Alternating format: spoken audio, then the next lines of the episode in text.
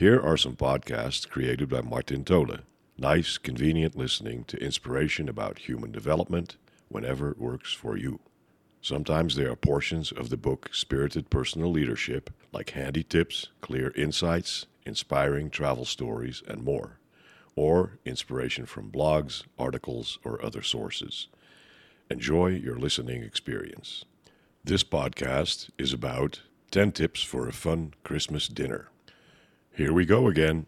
The Christmas dinner is on the horizon, but how do we keep it really fun? Odd, isn't it? Christmas, a time of peace, but we can still argue at the dinner table before, during, and after. But things can be different, and you can help to make this difference. You already start walking on eggshells during the preparation. After all, you start thinking, he or she is always difficult. I've known him or her my whole life.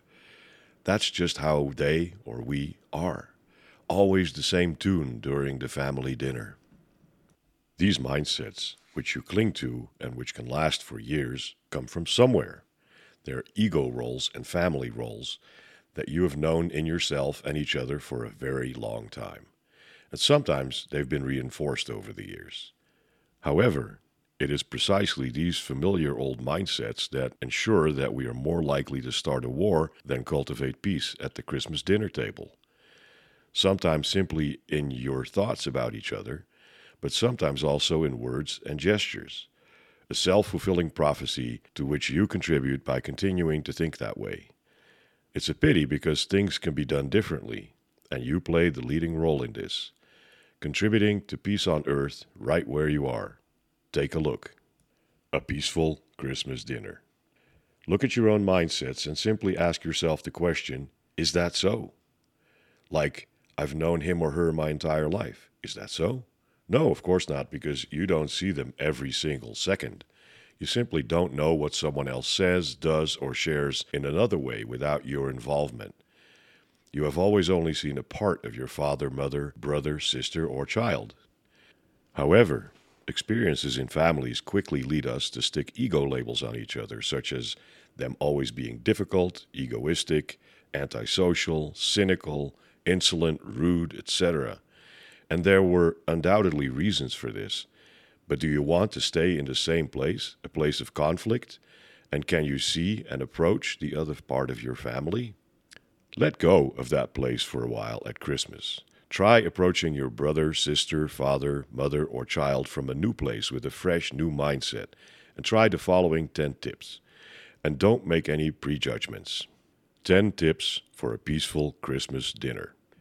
Tip 1 let go of all your impressions, feelings, and past memories about the other person. Tip 2. Temporarily forgive everything that the other person has ever done to you and do the right thing. Tip 3. Approach others neutrally and without prejudice. Tip 4. Break the ice and use some humor. Do not use sarcastic or cynical humor. Tip 5. Ignore any judgment you have about them for the evening. Tip 6. If you don't like what someone says, try to look beyond your own judgment to find out why someone says something, out of curiosity. Tip 7. Do not enter into verbal conflict, but agree to disagree. Tip 8. Ask how things are really going with your mother, father, brother, sister, or child out of genuine curiosity. Tip 9. Say something positive about the other person. Tip 10. Enjoy what is good together. Try these tips, and I predict that you will feel much happier during the Christmas season. Give yourself or the other person a Christmas present. Would you like to learn other ways, big or small, to contribute to a better world, at home or at work? Take a look at this Christmas present, the book Spirited Personal Leadership for more effective work, a meaningful life, and a better world. View or order a copy. See the promotional copy and find out whether my book could help you.